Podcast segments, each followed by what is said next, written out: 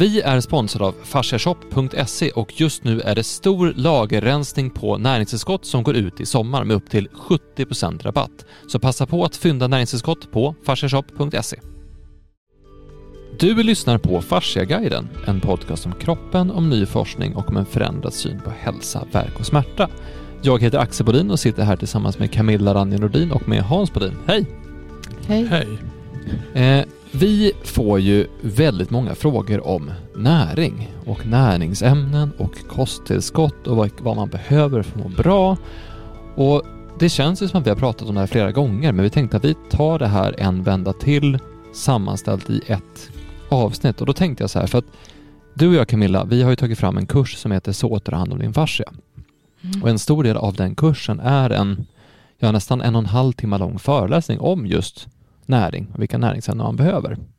Och vi kommer inte prata i en och en halv timme nu utan det finns ju en kurs för det. Men det som slog mig när vi gick igenom den är att vi har en vi har lite märklig syn på näring i allmänhet. Alltså när vi tänker näring så tänker vi oftast nästan kalorier Ja. istället för näringsämnen. Det var väl så du, du sa att du hade fått en, någon, En fråga om någon- kalorier. Ja, precis. Ja. Kan ni inte prata om kalorier? För sen har vi just gjort ett avsnitt om, om fett och vi har gjort ett avsnitt om socker, om sötningsmedel och olika sätt att, alltså olika näringsämnen. Vi har gjort ett avsnitt om C-vitamin och magnesium och överhuvudtaget så. Men, men kanske ett, ett, en sammanfattande bild om vad, vad är näring och vad är kalorier? Och jag tänkte vi kan öppna med det som, det som landade mest av allt för mig när vi gjorde den här föreläsningen. Och det var att eh, vi har en livsstil idag där vi förbränner mindre energi. Alltså vi rör oss mindre, så vi förbränner mindre energi. Samtidigt så utsätts vi för mer tryck, alltså olika former av stress, olika former av belastningar, olika former av föroreningar, olika former av... Det, det är en annan typ av miljö vi lever i just nu än för hundra år sedan, säger vi. Och den miljön kräver mer näringsämnen, alltså den förbränner mer vitaminer, mineraler, den typen av ämnen i kroppen. Så att vi har en- livssituation där vi eh, förbränner mindre energi och vi förbränner mer näring. Samtidigt så har vi en odling idag som gör att maten innehåller mindre näringsämnen Mm. men mer energi. Mm. Och det där blir ju väldigt obalanserat. Så det tänkte vi skulle ta avstamp i idag och prata just om kalorier och näring. Så jag lämnar över till dig Camilla som vanligt. Ja, eh, kalorier då. En kalori, det, så det, det är ju ett mått på energi. Och folk säger ju bara hur många kalorier äter du, men man menar egentligen kilokalorier. Alltså tusen kalorier. Då. Mm. Och, en, och nu, nu har man ju sedan massor med år tillbaka gått över till att mäta den här energienheten i joule istället, kilojoule. Men en kalori, det är, om man ska, det, det är den energi som går åt att värma ett gram vatten en grad. Mhm. Det här som är KCAL. Ja, KCAL, Så kilo, kilokalorier. kilokalorier. Så kalorier stavas alltså med CAL då, om man, så i, i den. Och kilo, K står för kilo, så kilokalorier. Och samma sak då, så KJ, det är kilojoule. Men har man kilojoule på? Ser Ja, på, egentligen så är det det man har gått över till. men ser du kilojoule. det på förpackningar? Ja, det tror jag. Du, jag tittar nästan aldrig på energiinnehållet. Ja, men alltså, jag vart lite fundersam. det på- på står- fest, fett och kolhydrater. Eller jag brukar titta kolhydrater. Därför att det som, som ger den här energin, Mm. det är ju framförallt kolhydrater, fett och så i viss mån proteiner också. Fast Mm. proteiner ska man ju egentligen inte äta för, för energiförsörjningen. Men om det blir överskott på proteiner Mm. så omvandlas det alltså till fett och, som då kan användas som energi. Mm. Så, och, och likadant överskott på kolhydrater omvandlas till fett. Det vi inte gör av med då, Mm. på en gång. Men, så, men problemet nu är ju att vi får i oss alldeles för mycket energi därför att det är så mycket kolhydrater i det mesta vi äter. Och socker. Ja men det är ju socker. Ja, exakt. Det är ju socker, Mm. det är ju en, en lättsmält Mm, kolhydrat. så det, var, det var det jag menade, fast Mm. det var förtäckt. Så att, att det, det är därför vi får i oss så enormt mycket energi. Eh, vad skulle jag säga mer om energi? Men det är väl samtidigt också att man är fokus, det är så mycket fokus på att man eh, blir mätt eller på bukfylla eller för liksom den biten att man äter för att man är hungrig och ska bli mätt och inte att Ja. man äter för att man ska bygga upp sin kropp. Om Nej, då går tillbaka till det som vi man, man, pratade om. man äter för att, och, och det är egentligen eh, energin som man har, har lättast att få i sig. Då. Jag ska bara säga att en, en kalori ungefär är 4,2 joule. Alltså en kilokalori är 4,2 kilojoule. Mhm. Så att eh, det, ja, det är den cirka. Mm. Det är drygt fyra. Så att det är den omvandlingen då. Som man har, och varför man gick över till kilojoule. Men det är samma sak när man räknar foderstater på djur. Då, då, då, handlar det om megajoule. Alltså miljoner joule. Mhm. Eftersom de, eh, en häst, ja, så den äter ungefär 70-80 megajoule per dag.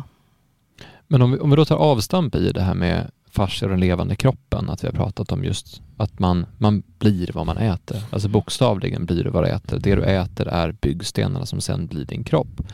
Men när vi tittar, när man tänker mat så tänker, jag tror de flesta tänker på det, den, det man äter och sen förbränner. Alltså man tänker det som att man stoppar i sig bränsle, som att man stoppar i bränsle i en bil. Mm. Så du har en bil, tanken är tom, du fyller på med bensin och så sen så förbränns den och då är tanken tom igen. Och så Mm. pratar vi om vår egen kropp också som att tanken är tom. Alltså Mm. man, man liknar ju nästan kroppen vid en maskin på det sättet. Men i det, här, i det här fallet så skulle det egentligen vara så att ja visst, det finns en bensintank och du häller bensinen. Men bensinen är också det som, som bygger upp däcken på bilen och som Mm. bygger upp ratten och som bygger upp sätet och som bygger upp motorn och som Hela bygger upp bilen. dörrarna och, och karossen och Mm. alltihopa. Så att allting består av det vi häller i tanken. Mm. För så är det med vår kropp.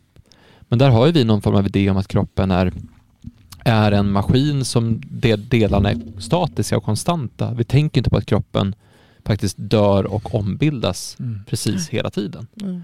För ur det perspektivet så måste ju just näringen och även då vitaminer och mineraler bli viktigare. Ja. Jag hörde på ett föredrag nu som handlar om alltså en sak att rensa kroppen, vissa saker som fanns. Alltså, om man har fått i sig fel saker. Att rensa kroppen, alltså rensa hela kroppen. Då, som, bästa sättet att göra det på det var vattenfasta i fem dagar. Mm. För att då kommer man in i ketos, alltså du kommer in i svältstadiet. Mm. Och när du svälter, då händer saker i, i cellerna. Alltså i, Ja, då rensar ju kroppen, det vi har pratat om förut, att det sker alltså kon kontrollerad dels celldöd men också att kroppen bygger om, tar vara på eh, delar i cellerna som går att återanvända och sen Mm. rensar bort sånt som, inte är, som är trasigt och som inte går att återanvända. Så Mm. att säga. Och det finns ju mycket kulturer att det är viktigt att göra så. Alltså, autofagi kallas autofagi, det. att, Ja. att, rensa kroppen. Att göra, och det är så. Och du äter mycket konstig mat så är det säkert mycket saker som finns i kroppen som är konstigt som behöver rensas ut. Ja, vi har ju massor med avfall och, alltså, Mm. dåliga saker som vi sätter i oss hela tiden och som vi får i oss. Och, och stress och, och sånt som påverkar oss som lagrar, lagras Mm. in i kroppen, Mm. i fascian. Och socker inte minst. Och socker. Ja. Så då blir ju kaloriperspektivet blir egentligen lite konstigt. Där man ska snarare titta på. alltså kalori, kilojoule är inte så stor, det är inte så stor skillnad på dem egentligen, är det det? Alltså att en, en, en Ja men alltså det är, det, är samma, det är samma princip, det är inte näring. Alltså, utan nej, nej, det är fortfarande det- energi. Ja, ja, det är samma. Det är, samma. Det är decoy alltså, ja, det är egentligen ja, fel. Ja, Det ett, man byter från ett mått till ett annat Ja, ja, det är bara, det är bara en enhet. Kalori eller, eller kilojoule. Så vi kan ju prata om, vi kan fortsätta med kalorier, det är lika ja, tokigt därför det. att det är det som alla människor vet. Men när, man, när man räknar foderstater fick man lära sig redan på 70-80-talet att räkna med joule. Okej. Mm. Så då räknar vi inte kalorier. Men, det, så att, men fortfarande tror jag det står kalorier på. Men det står både kalorier och joule på. Alltså Jag fick, jag fick en fråga idag alltså, utav en känd person. Alltså, sa, behöver, behöver hästar kraftfoder? Nej. Nej, jag sa nej. jag sa de behöver inte det. Det beror ju på.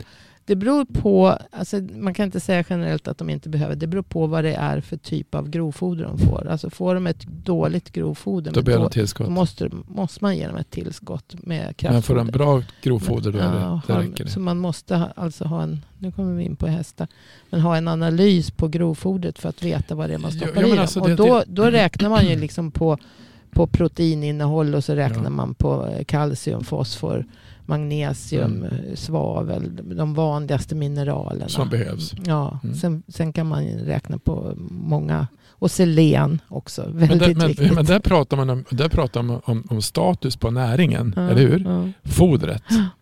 Men vi, vi, vi pratar inte om det. Alltså när Nej, jag träffade, nej, jag vi jag spelade inte om golf med någon så Det berätt, står ju inte ens, det står ju inget Ingen näring. innehåll av, det står möjligen kalcium, jo, det, kalciuminnehåll, magne, kanske att det står på som vi någon. inte ska ha så mycket utav. Nej, Nej, det får vi. De allra flesta av oss får jättemycket kalcium. Mm. Om- I alla fall om man äter mjölkprodukter. Så får man ju väldigt mycket kalcium. Alltså Mm. överskott på det då. Som blir fel balans i cellerna. Eftersom vi får, ofta får i oss alldeles för lite magnesium. Och magnesium och kalcium måste balansera varandra. Mm.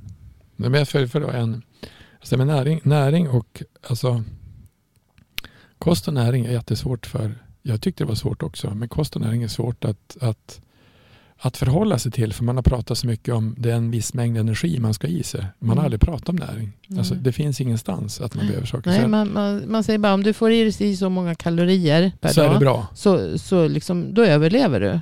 Ja, Ja. Ett, det är ett tag. Ja.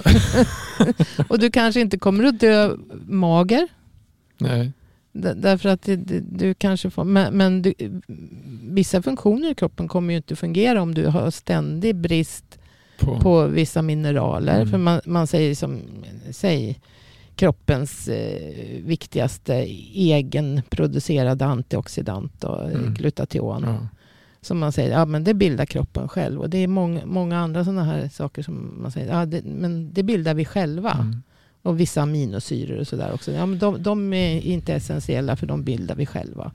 Ja men för att kunna bilda dem, för att kunna bilda glutation så behöver kroppen vissa, tre olika aminosyror. Mm. Eh, och för att, två utav dem tror jag innehåller svavel. Mm. Och så att för att kunna bilda dem så måste det finnas svavel. Mm. Och dessutom i den syntesen, alltså tillverkningen utav de här eh, utav glutationer så Mm. krävs det magnesium Mm. och det krävs selen. Mm. Så har vi brist på magnesium och brist på selen då blir det inget glutation Mm. även om kroppen så att säga, vill Mm. och, och göra det själv Mm. och normalt ska göra det själv, tillverka det själv. Så, så finns det inte byggstenarna och då kan det inte bli något glutation. Ja, en utav Så processen fungerar inte helt enkelt. Och det är ju många sådana processer som fungerar på det. D-vitamin likadant. ja. Alltså, vi får i oss D-vitamin via solen. Ja, det bildas i huden. Om Mm. det finns tillräckligt med kolesterol i huden, alltså Ja. fett i huden. Ja? Äter vi inte fett så, får, så har vi en torr hud och då bildas det dåligt med, Mm. med D-vitamin. Men sen Mm. måste D-vitaminet aktiveras både i lever och njurar för, Ja. för att bli aktivt så Mm. säga, i kroppen.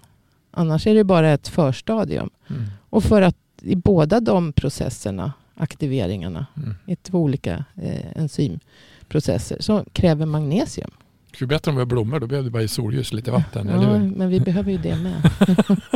det var ju det vi- vi konstaterade förut, att man kan leva länge på solljus och vatten. Ja, För det ger också energi. ja, det gör det. Mm. Det är sant.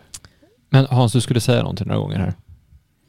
Det var jag men ja, alltså det som jag skulle säga, det som är svåra egentligen, det är att alltså, jag, när man har kunder som jag har haft ont länge, alltså som är, jag har haft några stycken som är lite överviktiga, inte så mycket, men de, de, de, de, bär- de bär ju på mycket vatten, alltså de har svullit upp. Mm. Och då, det svåra egentligen att få dem, för en som jag sa, du måste börja käka gröngröt, alltså, som man, alltså odla andra bakterier, alltså odla andra bakterier, alltså skaffa andra mikroorganismer. Och eh, det svåra är att förstå att alltså har man tankat tillräckligt mycket dålig mat så är det de bakterierna man har i kroppen. Mm. Så att man har, man har, eh, man har mikroorganismer i kroppen som inte klarar av att, som ropar på annan mat. Mm. Så det som jag föreslog för en utav mig hade det är att det, om, du, om du kan så det bästa sättet att byta struktur det är att du faktiskt vattenfastar i fem dagar. Mm. Sen då är du på gång att byta motor. Sen kan du ta bort kolhydrater. Sen kan du ta bort alltså det som, som är i vägen. Och så se vad är det för någonting som du mår bra utav. Mm. om, om det är förutsättning att du börjar bygga upp en annan mikro, mikrobiom. Nej, Sen är det inte alla som kan vattenfasta. Man måste vara Nej, frisk så att säga. Frisk. för- Fast hon hade gjort det, så hon kunde Ja, det. ja, så, att hon, ja. så att hon, ja men så att kan du göra det så är det ju skitbra, då gör det. Mm, mm. Det är ju inte det är ju egentligen bara, jag har gjort det, jag undrar om jag skulle klara av att göra det nu. Jag har varit så järnspikars mage. Men alltså, jag har varit ju metrev. Jag tror inte alls all, eh, men, men det är ju egentligen de första tre dagarna som är jobbiga. Mm. Sen går det ju lätt. Mm. Men det är ju, alltså, sen kan man fortsätta hur länge som helst. Alltså kändes som. Man blir piggare och piggare och piggare och piggare. Så man måste ju lagra mycket elände i kroppen också. Mm. Men bara det här som jag, jag pratade om förut. Att, att fasta halva dygnet. Ja. Typ. Alltså, eh, fasta sex, eller ja, drygt då. 16 timmar och äta 8. Ja. 16, 8 med deltids... Vad heter det? Periodisk fasta. Periodisk fasta heter det. Deltid, deltidsfasta. det som jag försöker, eller gör då. Ja. Eh, det gör ju också att, att du, du så att säga hinner med på den här fasteperioden så hinner du med och börja rensa ut rätt Mm. mycket skit i kroppen. Mm. Så jag har ju märkt att, att eh, kroppen mår mycket bättre utav det är viktigare att jag kör den fastan än att jag håller någon viss diet. Mhm. Jag kan, jag kan slarva mer under den tid jag äter om bara jag kör min fasta. Så, Mhm. så funkar jag. Det är inte säkert att alla gör. Men jag har- märkt att och det är liksom, kroppen stabiliserar sig också efter det Mm. och mår väldigt bra. Och efter ett tag så känner man ju inte att man är hungrig. Alltså nu har jag hållit på med det ett par år. Jag bröt ju en period här. Men. Men, eh, det, det, det är inte så svårt. Som, Mm. för, för jag var ju en riktig frukostmänniska. Så att det, det går ju. Mm. Vi är sponsrade av Fasciaklinikerna och Fasciaklinikerna vill informera om att nya priser på behandling gäller från och med 1 mars. Om du bokar din behandling innan 1 mars så bokar du till nuvarande pris. Även om själva behandlingen äger rum i april, maj, juni och så vidare så passa på att boka din behandling redan nu. Samtidigt som priserna ändras lanseras ett medlemskap där du som medlem får 350 kronor rabatt på varje behandling 10% rabatt på alla näringstillskott och digitala kurser i hur du förstår och tar hand om din levande kropp. Och allt detta får du för 89 kronor i månaden. Medlemskapet har ingen bindningstid och du kan avsluta det när du vill. Läs mer och bli medlem på fasciaklinikerna.se medlem. Jag tror att mycket handlar om när man ska förstå då det här med kalorier och näring och som koncept är nog att man bör fundera på vilka bilder man har av kroppen. För jag jag höll en presentation idag faktiskt och så sen så sa jag just det här med att ja, men, det som jag var inne på i förra avsnittet tror jag var, att eh, vi har sett på kroppen som död i det, hela vår moderna kroppsförståelse Mm. bygger på studiet av döda kroppar men nu har vi förstått att kroppen lever och när vi förstått att kroppen lever så förstår vi saker på ett annat sätt. Mm. Och jag skulle vilja gå så långt som att säga att det där speglar sig i hur vi ser på mat och näring också. Mm. Just det här med att man tittar på, man ser kroppen som en maskin som ska ha bränsle. Och när man tänker på det, alltså verkligen tänker på vad det betyder. Så vi, vi, vi säger att vi ser kroppen som en maskin och bränsle. Mm. Man, man, man pratar om det på det sättet. Man pratar om vad man ska, vad man ska tillsätta för att sen prestera. Men det faller också över att man tittar på att man ska, att man ska bygga muskler som man ska sätta på nya delar Mm. på, på skrovet eller man ska byta ut olika kroppsdelar. Man, ska liksom, man, man pratar om det på det sättet. Man pratar om att bygga sig stark på ett annat sätt. Men om man snarare skulle se kroppen som en, som en blomma eller som ett träd eller som någonting annat levande, för en bil är ju död faktiskt. Mm. Men om du tar en, en levande växt, den hämtar ju näring. Den hämtar inte bränsle, Mm. utan den hämtar näring från jorden, den hämtar näring från solen, eller energi från solen och näring från jorden. Mm. Och då har du energi och näring som begrepp istället för att ha bränsle som begrepp. Mm. För kalorier är ju ett sätt att prata om bränsleförbrukning det, egentligen. det är ju energi. Ja. Och, och det är ju det är istället för att titta på att, men, vilken, vilka kalorier ska jag förbränna? Det är också förbränningsmotortänket. Mm. Att Istället titta på vad, vilken energi behöver jag, vilken näring behöver jag? Och man pratar energi och näring istället för kalorier så får en annan typ av betydelse kring det. Ehm, för det här blir, blir intressant när man pratar om överhuvudtaget hur kroppen fungerar. För jag pratar med någon som håller på med styrketräning och brottning och så vidare. Ja, Och det är samma sak där man pratar om att, att bygga muskler och att du behöver till exempel kolhydrater för att bygga muskler. Eller när du sprungit maratonlopp behöver du fylla på med kolhydrater. Men då pratar man också egentligen om att man ska använda kroppen för att prestera eller använda kroppen för att bygga upp den. Men ifrån det här att vi blir vad vi gör perspektivet så är det snarare så att kroppen anpassar sig efter vad vi gör med den. Mm. Så att vill jag kunna springa maraton, då eh, hjälper jag min kropp att anpassa sig till att springa maraton. Då kan jag istället tillföra det som kroppen behöver för att klara av den anpassningen. Mm. Istället för att jag ska Istället för att jag ska bygga muskler för att bygga mig stark så är det en aktivitet jag ska utföra och då kommer min kropp att anpassa sig efter den aktiviteten. Och då måste jag göra den aktiviteten mycket Mm. så att kroppen anpassar sig efter det. Och så var det någon som frågade igen, vad, vad, hur, ja men är det, är det tokigt att behandla fotbollsspelare innan de ska spela? Nej men, ju mer rörlig och smidig du är i kroppen, desto bättre blir du på att ta emot Mm. stöt, stötar. Därför det är vätskan som tar emot stötar. Det är inte, det är inte skelettet, det är inte musklerna, det är inte, det är inte trådarna, utan det är liksom det är flödet som tar emot stötar. Mm. Och allt det där blir ju ett annat, ett annat sätt att se på kroppen. Vilka processer behöver fungera för att jag ska kunna fungera så bra som möjligt? Jaha, vad utsätter jag mig för? Vilka, vad, på, hur påverkar det mina processer? Om jag utsätter för massa stress, ja då måste jag ju se till att jag har, att jag kan hantera stressen. Vad förbränner stress? C-vitamin förbränner stress. Alltså att man börjar tänka så istället. Men jag tror också, jag tror att det är så mycket med, med eh, eh alltså tänkte på, jag tror att det, det är olika perspektiv på var man bor någonstans, alltså var någonstans man kommer ifrån rent om man är från Sverige eller Finland eller, eller Italien eller Spanien eller Frankrike. Eh, och sen, för jag tror att vi är kvar i en kultur som, jag tror att Sverige alltid haft ett väldigt konstigt sätt att se på mat. Alltså om du ser på 1500-talet så åt man ju, man åt ju så mycket som man spydde. Man ju 15 rätter. Och då var det ju bara, då skulle man äta för att det 30 rätter. Ja, det är helt sjukt. Det går ju inte. Och, ja, men det har ju. Och i, i, i, I de här länderna som man lever länge, alltså, då, då ser man ju måltiden som någonting viktigt. Mm. Om man ser på, det är ganska intressant, vi är ju ett, ett, eller Sverige är ju inte ett, från början ett kristet land, jag vet inte om vi är det nu, men vi var ju det i alla fall. Eller vi är väl det, eller vi, ja, det spelar ingen roll. Men i, i, i kristendomen så är ju måltiden viktig. Alltså det är två saker som kristna gör. Det är de första i alla fall. De åt ju tillsammans. Och sen döptes de tillsammans. Så måltiden har ju ett symboliskt värde. Alltså vad är en måltid? Och det är som du säger att det är skillnad på jag tror en kvinna som, som, som jag känner som hade, eh, hon, hon be, be, behandlade de som var anorektiker. Anorektiker har ett konstigt sätt att se på mat. De tror att de kommer gå upp i vikt när de äter. Mm. Så att hon lärde dem att äta, alltså, alltså på vita dukar. Alltså på en fin restaurang och äta mat tre gånger om dagen. Och sen hade de våg bredvid. Mm. Så de fick se att det hände som ingenting. Man går inte upp i vikt så fort man äter. Så de har ett annat sätt att se. Men just måltiden, att sitta och äta, där det, alltså att måltiden är något viktigt. Och det tror jag det är i men i Italien när vi var där, alltså de äter ju, de äter ju två timmar. Mm. De äter ju jättemycket. Och de äter Det är det salt. som är poängen med dagen, att äta. Ja, Ja. ja. det, det är därför man är där. Och det är det Ja. som det är det man gör. Det är som, jag tror att när Zlatan skrev sin bok att det var först när han kom till Milan eller han förstod att vad, vad mat var viktigt. För då, de äter ju tillsammans fotbollslaget. Mm. Träffas morgon, äter de och så sen så tränar de och träffas och äter de lunch och sen går de hem tror jag. Så därför är det viktigt att vilken näring du får i det.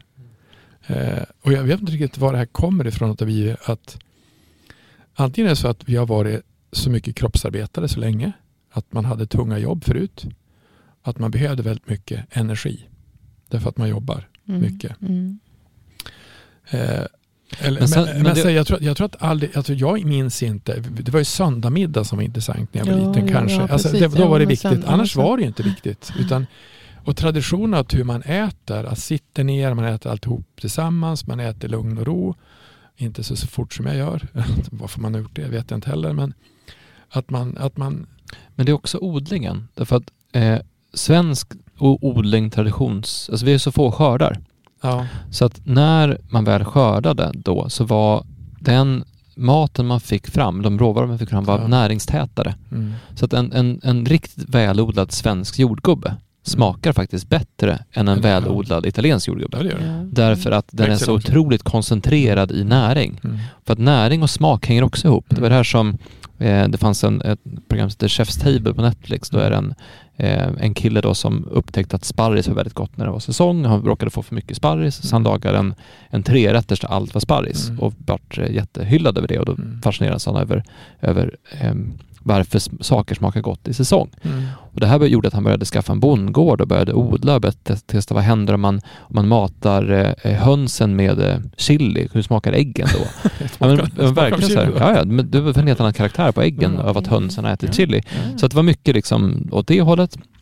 Men det han såg var att, att smak och näringstäthet hängde ihop. Mm. Så att de, de morötterna som smakade absolut bäst var också de som hade mest näring. Så Mm. det är ganska spännande om man tittar rent biologiskt konstruktionsmässigt att näring och smak hänger ihop. Mm.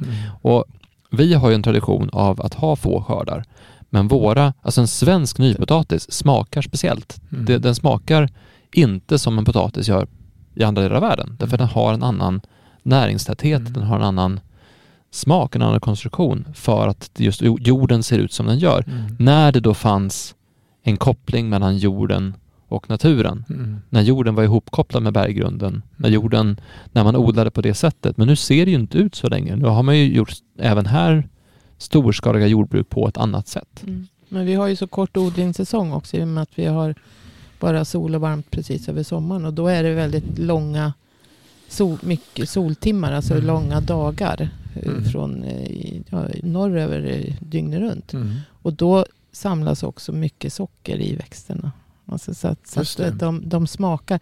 Alltså hö uppifrån Norrland har mycket mer sockerinnehåll än vad, än vad därför att det har flått fler soltimmar. Är det Om- bättre eller sämre hö?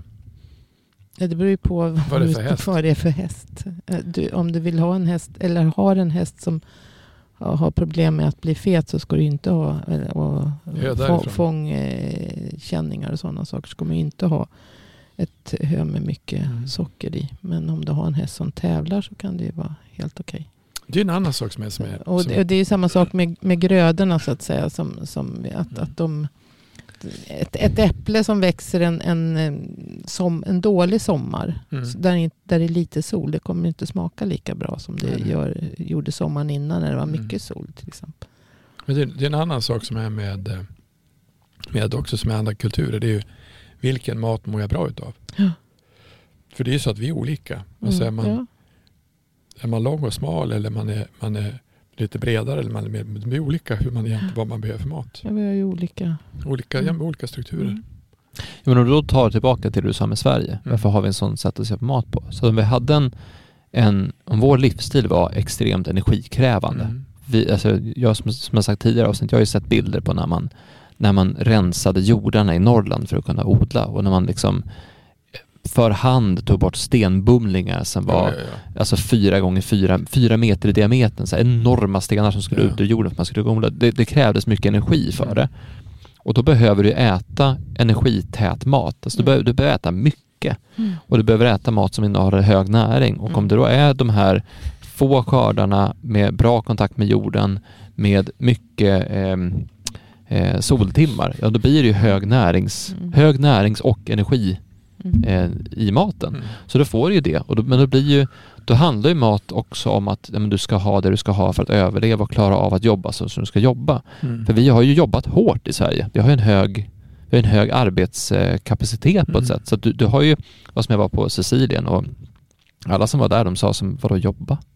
Alltså, vadå, vadå jobba liksom? Så här, alltså, faller vi ner grejer. men, ja, men titta hur det ser ut här ute. Så vad ska vi jobba för? Men det, då är ju citronerna växer där borta. Liksom. Allt, allt är som lugnt. Alltså, de, har en, har helt annan inställning till arbete. Mm. Inte som att, alltså, nu för tiden måste ju alla jobba för att samhället ser ut som Mm. det gör, men, men själva inställningen till arbete är inte som att, ja men det är klart vi ska arbeta, Mm. utan det är så här, ja men vi måste väl jobba då.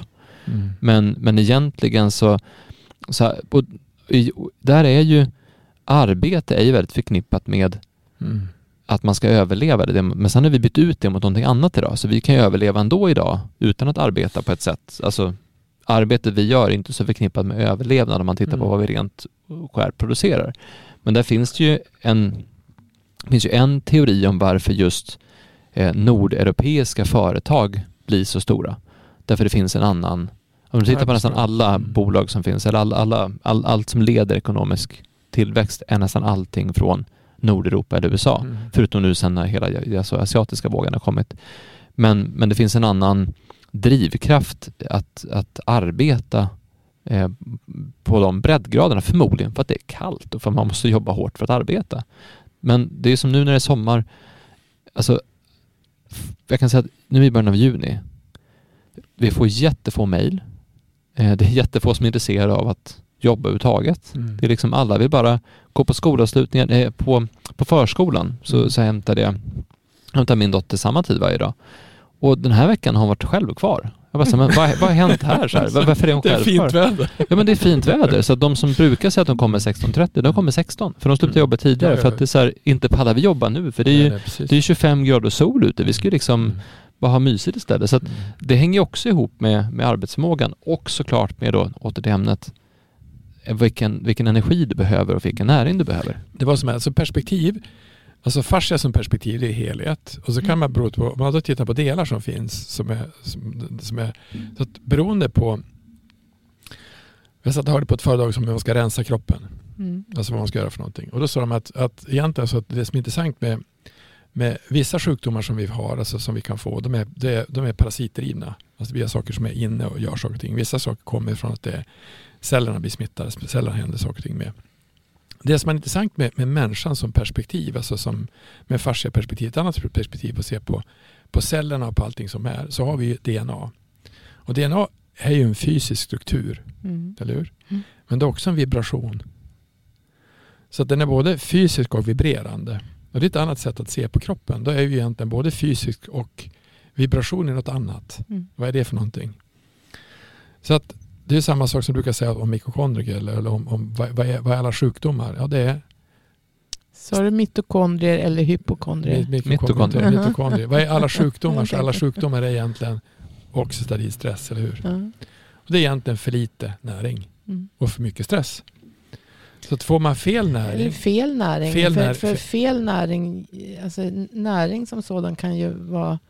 Jag satt ju översatte artiklar här och så. Då läste jag en gammal artikel som jag hade eh, skrivit just av av Thomas Levi som, Mm. som har skrivit att all sjukdom är ju oxi, överdriven oxidativ, stress. Oxidativ stress. Och att mat och näringstillskott gör egentligen bara nytta, Mm. menar, alltså hans, eh, han skriver så Mm. om det så att säga, ger effekten utav att det är, är antioxidanter. Mm. Så att det neutraliserar. För, för, Stressen. för all metabolism vi har pro, producerar hela tiden massa fria radikaler, Mm. alltså oxidationsprocesser.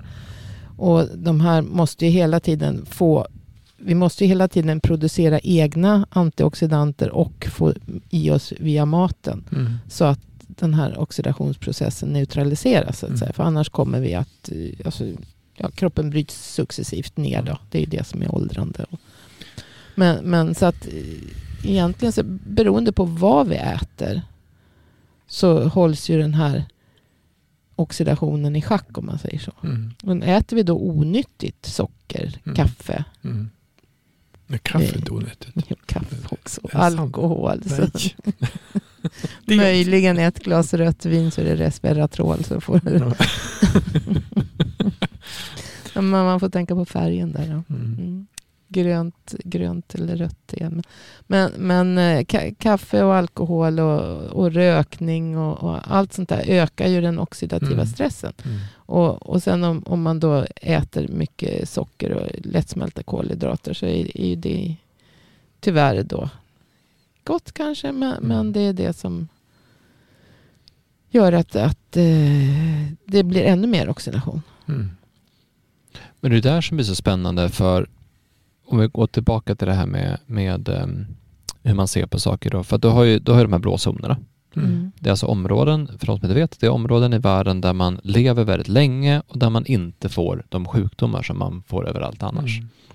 Och jag, jag tycker framför allt om en sån zon som är på Sardinien i Italien. Och där, det som fascinerar mig med den det är att de gubbarna och gummorna, de röker. Inte alla, men de röker De, de rökte ju. Mm, Alltså, det var ju typ alla. Och de dricker vin. Mm. Och de, de äter ost. Mm. Och de liksom sådär. Men de vandrar också i berg varje dag. Mm. Och framför allt så har de det väldigt gött. Mm. Alltså de liksom, då, på morgonen så vandrar de upp i sina jätter i bergen och sen så sitter de på någon, någon, någon, hö, någon högland och tar någon fika och den fikan består av ett glas vin och lite Mm. ost och en cigg och liksom sådär. Men då är de med sina kompisar och så tittar de ut på naturen och så sen så tycker de att livet är underbart Mm. sådär. Ja, och sen klättrar de ner för sina berg och går och rör sig och så vidare och sen på kvällen så, så de, kommer de hem och så har de en stor middag med familjen och så har de det bra och sådär. Och det som är intressant här är att det de absolut inte gör, de stressar inte och de oroar sig inte utan de tycker att livet är ganska bra, ganska Mm. härligt. Det ser ganska fint ut att leva liksom så. Mm. Och den, att det är fint att leva, att, att vara levande, Mm. det är den gemensamma nämnaren för alla de här zonerna. Så det är egentligen inte vad de äter utan det är hur de ser på sig själva och sitt liv. Mm. Och, och det i sin tur, för vi pratade lite grann om det här, dels när vi pratade om i avsnitt 106 om eh, struktureringen av vattnet. Och sen pratade vi även om, eh, om det här med att ju mer, ju mer levande du är desto bättre flöde får du. Ju Mm. bättre flöde du får desto lättare får alla, allting i kroppen att, att åka runt. Desto Mm. lättare sta- startar självläkningen igång. Så att har du en bra sån process så måste ju den också minska den oxidativa stressen. Den måste ju också producera Mm. Eh, antioxidanter. Det måste ju också, förutsatt att du såklart har rätt beståndsdelar för att göra det, vilket du då får om du är ute och går i bergen så får du solljuset. Är du, ehm, dricker du vinet så får du resveratrolet. Äter du osten så får du fettet. Alltså du, du får ju allt det där. Så det kanske, det kanske handlar lika mycket om hur vi ska förhålla oss till oss själva våra liv som vad vi faktiskt gör, alltså vad vi äter och Det- dricker och så. Det är ju balansen, Mm. alltså det är ju summan av kardemumman om man säger så. så. Mm. Så att det är ju det är klart att man gör och får i sig onyttiga, mindre nyttiga saker. Så att säga, och att man utsätter kroppen för en massa stress. Men det är inte så att de, de utsätter inte kroppen för alls så mycket stress som vi kanske här uppe blir utsatta för. För dels har de ju mer jämn dygns... eh, vad heter det? Soltid, sol, sol eller ljus Mm. dygn, Ja. året Årstiderna runt. Samma, Ja, mm. ja, lite mer jämnt så. Vi har de här stora variationerna. Det måste vara jätte, jättestressande för kroppen. Mm. Det är ju ingenting som vi rår på. Vi bor här uppe. Mm. Men det är stressande för kroppen att, att få de här eh, total mörker och sen eh, väldigt, väldigt, väldigt ljust istället. Då, så att någonstans mittemellan hade varit bättre Mm. totalt sett. Och sen att de dricker rödvin med resveratrol. Det, det tar ju ut lite av det här dåliga så att säga. Men det är lite kul för vi, vi glömmer ju ibland eh, att vi bor på ett väldigt extremt ställe. Ja. Eh, För jag och min fru såg en, så här, en serie som utspelar sig i London. Och så var det jul. Mm. Och så sen så gick karaktären ut med en sån här dunjacka, alltså en kort sån här, som dunvästar, den Mm. typen av jacka. Hon bara, men det är ju jul, han kan ju inte ha på sig det där. Jag bara, men alltså det är London. Mm. Vadå? Jag menar alltså, alltså i London kan det vara.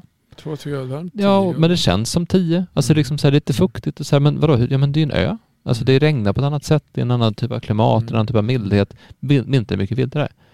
Ja just det, det är ju sant. Alltså, men vi, vi tänker oftast att det liksom är att, att det är vinter på samma sätt överallt som det är. Men, alltså det här med minus 20 och snö, eller minus 10 och snö, eller, eller 5 grader som känns som minus 10 med, med kalla nordanvindar och snöslask. Alltså, det är ju inte alla som har det så. Det, det är ett ganska konstigt sätt vi bor på och då måste vi ju, med allt det här sagt så måste vi ju förhålla oss till vilken miljö vi är i, hur den mat som vi faktiskt får i oss, hur vi lever och så vidare. Och det är ju det som är det centrala när det kommer till, till näring och kalorier. Det är inte att vi ska äta si och så mycket och göra si och så sådär, för det är ju totalt olika beroende på vem, vem du är. Jag tror att det svåraste egentligen med näring och eh, kost att förstå det är att för 50 år sedan då var vi nära näringen. Mm. Då bodde vi i den. Då, alltså, vi odlade potatis Ja. bara hemma. Vi, vi, hade, alltså, vi hade trädgårdar och vi, alltså, mam, mamma kom ifrån en, en, en jordbrukare. Idag är det så långt ifrån oss Mm. så vi har inte kontakt med näringen eller var, var det kommer ifrån. Men då Mm. kunde man ju, alltså jag, jag, vet ju, jag vet ju vad kossan eller vad djuret hette som, som, som vi åt.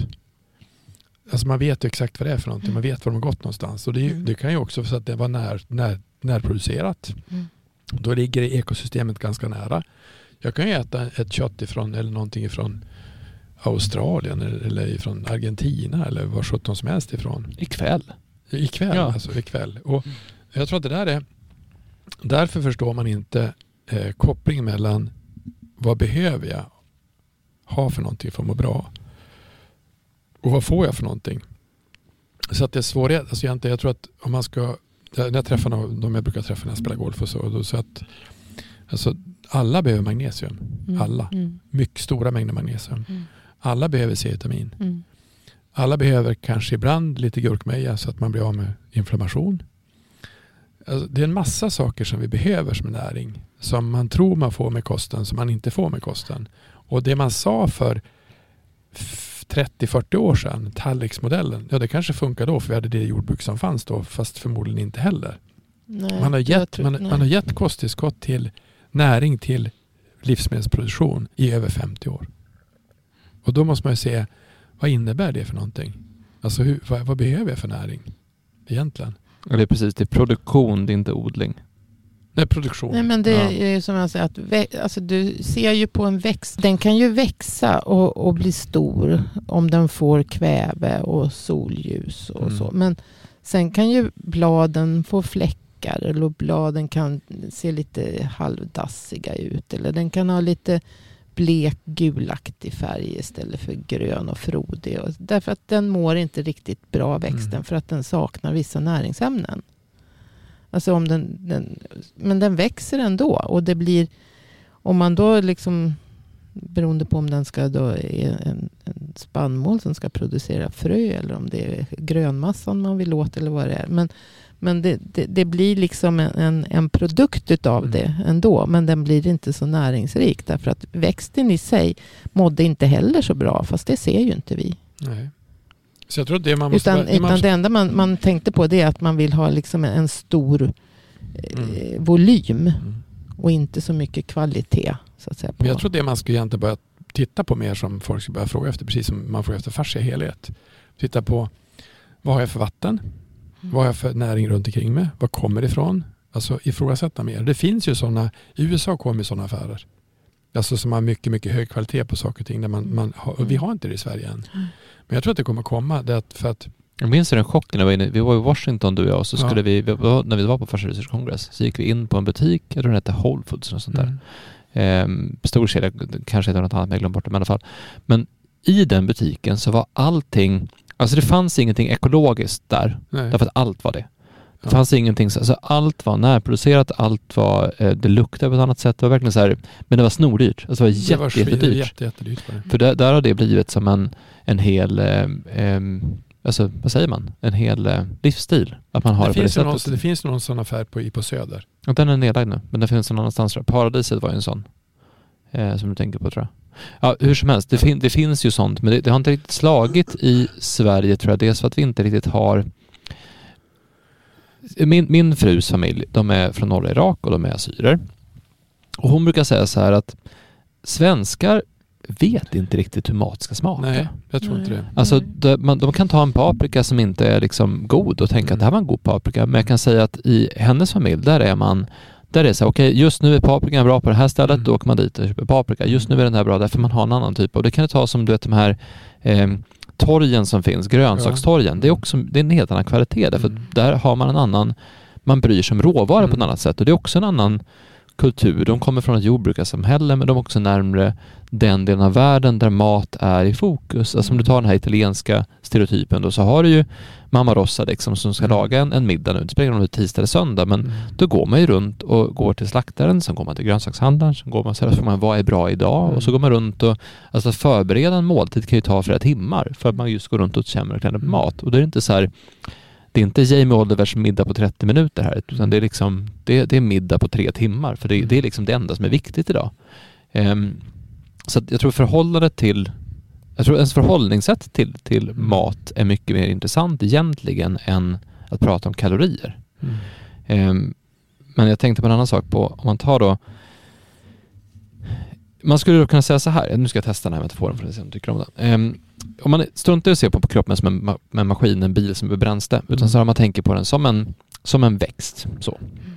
Och då är det så att förut så var den här växten planterad i jorden, i naturen. Mm. Och runt den här växten så fanns liksom natur. Mm. Och Det gjorde att oavsett vad som hände just på området där växten var så hade växten då kontakt, alltså växten är då jag, växten är vi, kontakt med alla de här svamparna som finns i jorden som, Mm. som flyttar på näring från olika ställen, som tar näring från berggrunden och som tar näring från hit och dit och flyttar runt det där. Och så hade den kontakt med solen på ett annat sätt. Den var utomhus hela tiden och hela den biten. Och det kanske var svensken på eh, sent 1800-tal säger vi. Men nu är det som att man har tagit den här växten och satt den i en kruka. Och när den här växten är i krukan så har den inte kontakt med den, den runt krukan så finns det kanske betong. Eller runt Mm. krukan finns det en park. Eller runt krukan finns det en, en artificiellt planterad miljö oavsett om det är träd som någon har planterat dit eller om det är asfalt eller vad det nu kan vara. Och den här krukan, den är där. Växten växer fortfarande för den får fortfarande solljuset och den får fortfarande viss typ av energi och så vidare.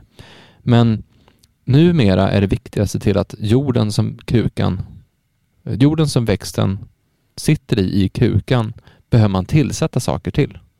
Man måste ha den på rätt ställe så att den får rätt typ av ljus. Man måste också ge den rätt typ av vatten. Man måste också se till att den får rätt typ av näring. Man måste tillföra det här i jorden. Man måste byta ut jorden då och då. Eh, men förut sköttes det här per automatik för att man var en del av det stora kretsloppet. Nu har vi liksom satt oss själva i krukor där vi istället tar ansvar för att tillsätta saker själv. Och det där, jag tror inte att vi tänker på hur frånkopplade vi är från naturen och hur mycket vi har förlorat i alltså vad konsekvenserna faktiskt har blivit av det. För visst, visst blir det ungefär sådär? Ja, jo. Vi måste tillsätta näring Vi i vår egen jord. jo, vi Ja. måste ju se till att tillsätta näring hela tiden. Och det, Mm. och det är som sagt, som jag har sagt så många gånger, det är så man tänker inom djurproduktionen. Då. Mm. Alltså där, för att man så, så att säga, ska få så friska djur som möjligt därför att det är ekonomiskt mer eh, Lönsamt. lönsamt att få Mm. ha friska djur som växer bra. Mm. Så att det, det är liksom, och, som producerar mycket mjölk. Alltså det, är ju, det är ju kött och mjölkproduktion. Så att säga. Det, är- det är ju det. Det låter ju hemskt då. Men, men äh, Men om man tar apelsinproduktion, för det är fortfarande en bild jag tänker på med, jag tänker på det moderna eh, eh, storskaliga jordbruket. Då, har du, då kan du ha ett apelsinträd som i princip är ett ökenlandskap och så vattnar man en liten, liten yta runt det här trädet från USA fast apelsinerna finns i Spanien. Och det går ju, alltså trädet växer där ändå. Så att ett träd kan växa i en, i en miljö som är katastrofal men frukten blir ingen god. Jag tror inte det är som är grejen. Jag tror att frukten kan visst bli god. Det som händer egentligen, det som vi får det är att om du pratar, alltså vi, vi fraktar ju, det är frakten vi gör. Ja, alltså det det, är inte, det är inte det utan alltså, vi, det vi gör med, med viss frukt så fraktar den omogen. Mm. Så den, den mognar ju i, inte, den mognar i under transport. Mm. Men äter du, alltså, äter du närodlat som du är på, om du äter en apelsin i som är, jag tror att vissa saker är, de, de är jättegoda. Alltså det, det är transporten som är grejen. Men det är också, jag tror också det som är viktigt, det är ju som du sa med, med, med sardinexemplet. Alltså att det finns de som varit borta ifrån, alltså, u- alltså kanske 700 år i Sverige eller 500 år i Sverige. Det beror på var man har bott någonstans. Alltså hur man ser på hur långt ifrån verkligheten man har varit. Men min morfar han dog 84. Det är inte så fördärvat länge sedan. Han bodde ju i en by. Han bodde ju alltså ensam ute på en åker. Mm. Och fiskade och levde, i, i, alltså levde utav naturen. Men det är inte säkert att han var, alltså det är inte säkert att han, problemet med dem, de åt ju förmodligen ganska för mycket för enhanda. Och, och, och, så att det är inte, alltså det, man, var inte, man, man var inte så bra på näring då heller egentligen. Utan man, man, det var mycket att man skulle i sig när, alltså energi. Ja, det är energi Jag tror, att det, man jag, tror tänker att, det- på. jag tror att det här med näring det är nog mera jag tror att det är mera utav japansk kultur man äter. Eller, eller, eller, alltså, alltså maten som eh, någonting man firar och äter tillsammans för att det ska vara gott. Det är inte Sverige. Utan det, det, det, det kanske kommer med, alltså med, med, med restaurang, gourmetrestaurangerna som fanns. Men det var ju, om ni har sett de här brattarna som byggde Sverige. Alltså vi, vi, hade ju, vi hade ju inte ens salladsdressing, vi hade ju bara sallad.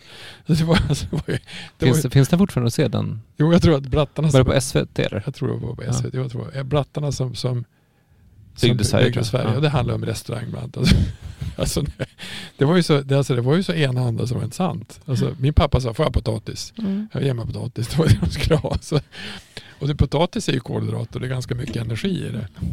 Så att, jag, jag tror att det är mer, det är mer den här, eh, alltså lite grann som, jag tror att det var Ja, Descartes han kom, han kom hit och dog i Sverige. Han var, han var helt förstörd. Men alltså det var ju, alltså kom han ifrån Frankrike på 1700-talet och hamnade i Sverige. Då måste man, måste man ju då tro var, var det hamnade någonstans. Kallt som 17 och dålig mat och ingen kultur och han kan ingenting. Alltså vi har ju importerat kultur i Sverige. Mm. Vi startade, vi, Gustav III som startade akademierna. Alltså, innan dess var det ju rätt, rätt så konstigt i Sverige tror jag. Så att jag tror att det, det, matkultur har vi nog, den svenska, vi brukar säga svenska husmanskosten men de var rätt rå. Eller hur? Det var inte så mycket. Det var inte så Nej, mycket men, alltså det, du kan ju äta exakt, eh, jag tänkte att mm, man säger att man måste ha variation i kosten. Ja, egentligen så ska du ju ha variation varje dag. Ja, så, så, så att du, liksom, du exakt. får i dig alla näringsämnen. Sen, kan du sen kan du äta precis samma måltid egentligen dag ut och dag in. Ja. Om bara den är väl sammansatt. Spelar ingen roll. Nej. Så för, vad- så, menar, så Mm. äter ju djuren. Ja, Ja. De äter ju samma mat hela tiden. men den, är Men, sam- men, den, är- den är, är förhoppningsvis då väl sammansatt. Är det vilda djur så får de ju sköta det själva genom att de har ju en viss Mm. instinkt vad, det, vad de så att säga. Ja, det, var, det var inte så länge sedan som var det typ så här 98% av Sveriges befolkning åt gröt till frukost, lunch och middag varje dag. 364 dagar om året. För den 365 dagen så slaktade man en gris och hade fest. Ja, här, och, jag vet inte om, om gröt är sådär väldigt... Eh, Nej, men då, Nej, men alltså man ja. åt ju mer fisk. Alltså, Ja, alltså man ja, hade, man, ja. alltså min, Mm. min morfar åt, vi åt mycket fisk. Alltså man fick ju fisk på tvären och höjden. och led- Det var ett, man kunde, de åt ju fisk och bena samtidigt i rot, munnen. Så att ja. min morbror han sa att jag åt fisk och så kom det ut stod ben från sidan och så här. Han bena i munnen, det gjorde ju inte vi. Nej. Nej, men jag kan säga som, som eh, avrundning när man pratar om vilka, vilka ämnen, vilka näringsämnen man kan behöva tillsätta då. För det är ju Ja. det är en sak att få i sig energi, men vi kan behöva näringsämnen. Så på fasciaguiden.se så finns det en sida som heter nutrition. Och där har vi gjort sammanställningar av de viktigaste vitaminerna, mineralerna, fettsyrorna, proteinerna och olika antioxidanter som man kan få i sig. Så att vi behöver inte rabbla nu varför de olika sakerna är bra, men vi pratar mycket om just C-vitamin, D-vitamin, E-vitamin, hela B-komplexet, magnesium, zink, selen, svavel som i MSM, eh, omega-3 som fettsyra och även då hydrolyserat kollagen. Sen står det, finns det Mm. texter också om, om glutation, om resveratrol och om- quercetin. Eh, Jag tror att det är de som finns uppe nu, det kan vara någon till. Men där kan du själv läsa liksom om vad är det här för någonting, vad gör det i kroppen, hur ska man ha den och så vidare. Men jag tänkte vi skulle avsluta med att prata lite grann om, om ett ämne som vi tagit upp tidigare och det är hur... För jag tänker faktiskt inte sitta och säga här vad du ska ta för kosttillskott. Jag håller inte på med sånt. Nej. Utan vi är här för att lära dig själv känna efter vad du ska ha och vad du ska behöva. Och sen kan vi berätta om vad vi själva tar och hur mycket vi tar och så vidare. Men det handlar mer om att hitta ett sätt att, att känna efter i sin egen kropp. Vad behöver jag? Och då kan det vara bra att till och med testa allt Mm. först och se vad mår jag bra av, vad mår jag sämre av. Man kan testa under en längre period. Men det handlar mycket om att, att faktiskt bygga upp den här kunskapen om kroppen. Att förstå vad, vad är det som händer med de olika processerna, vad är det som händer med de olika sakerna. Och därifrån kunna ta reda på vad jag behöver för att ge kroppen förutsättningar för, för att läka. Alltså om, om jag stressar mycket då behöver jag vissa saker, men jag kanske också ska undvika stressen. Och då undvika stressen behöver jag andra saker. Så, så det är väl en sån sak att man, man antecknar, man följer upp, man testar, man förstår att det kan variera från dag till dag. Stressen varierar från dag till dag också. Eh, det som är positivt dock med olika typer av kosttillskott är att det finns inga biverkningar. Eller de är i alla fall väldigt minimala. Du kan bli lite dålig i magen om du Mm. till exempel äter för mycket C-vitamin eller magnesium. Mm. Men du kan också äta en dos magnesium en dag och vara helt eh, okej. Och sen dagen efter äter du exakt lika mycket och då blir du dålig i magen. Mm. Så det beror väldigt mycket på Mm. vad du gör runt omkring dig och så. Eh, samma sak med att förhålla sig till tarmfloran och förstå att det här förändras över tid. Och vi gjorde ett avsnitt om tarmfloran som man kan gå tillbaka till. Ja, alltså jag tänkte på tarmfloran för man säger B-vitamin som eh, sä- säger man, ja men tarmfloran, mikroorganismerna bildar B-vitamin själv. Det säger man om, om Mm. hästar och så också. Så att det, det, det är inte så viktigt att tillsätta. Nej, men det beror ju på om tarmfloran mår bra. Ja, Är det en bra tarmflora så kanske de bildar B-vitamin. Men annars så hjälper ju också B-vitaminet Mm. till. Jag kan ju säga att sen jag började äta B-vitaminkomplex, jag gjorde inte det först, jag åt allt annat men inte B-vitaminkomplexet. Så, så har ju min mage bör, börjat må så toppen. Alltså. Så att eh, mikroorganismerna får hjälp av Fint. och D-vitamin. Och. Camilla, hur gammal var du våren 2022? Våren 2022. Så för, för ett år sedan, den våren, hur gammal var du då? 60, 66. Hur kan en 66-åring ha mycket, mycket bättre värden när vi gjorde en sån här fullblodsanalys på näringsstatus än en då 25-åring? Mm. Det, är, det kan ni fundera på. Mm. För att den 25-åringen Ivar då, han eh, äter bra, han tränar bra, han rör sig bra, han tar väl hand om sig själv. Men Camillas värden var mycket, mycket bättre. Så det är inte som att vi sitter här och säger testa och laborera med tillskott för att vi bara säger utan för att du har ju visat med exempel att det funkar faktiskt. Man kan må riktigt, riktigt bra om man lär sig att hitta en balans i näring och tillför näring till kroppen. Och då är, kan jag säga att 2019, då var jag, mådde jag inte så bra Mm. i, i mage och, och kroppen överhuvudtaget. Men så är inte det så att alltså, kalorier, det är, det, det, det är inte det vi ska prata Det är inte energi vi behöver, vi behöver näring. nej. Och det är det som man har sett om du tar till, till på hästar. Alltså på djur är det jätteviktigt med foderstatus. Alltså vad får du i för näring? För att Mm. får du inte det bra. Och, det, och det, förstår man det, att hästar är viktigt för och djurhållning är viktigt för. Men för människor är det inte viktigt alls. nej, Då förstår det- man hur konstigt det är. Men jag, alltså min mamma pratade ju hela tiden om när jag var liten. Så det är jag på sätt och vis uppvuxen med. Men, men det glömde jag väl sen. Och sen så fortsatte jag med djuren och då var det jätteviktigt med det här med näring. Men för hon sa ju alltid att du får inte äta socker för det är bara tomma kalorier. Det, det, alltså, och det är ju det, tomma kalorier. Hon menade alltså att det är bara kalorier som inte tillför något annat näringsämne. Mm. Det var ju så hon menade.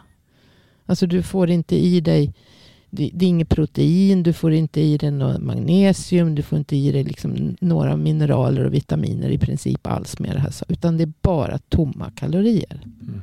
Så hon visste ju det.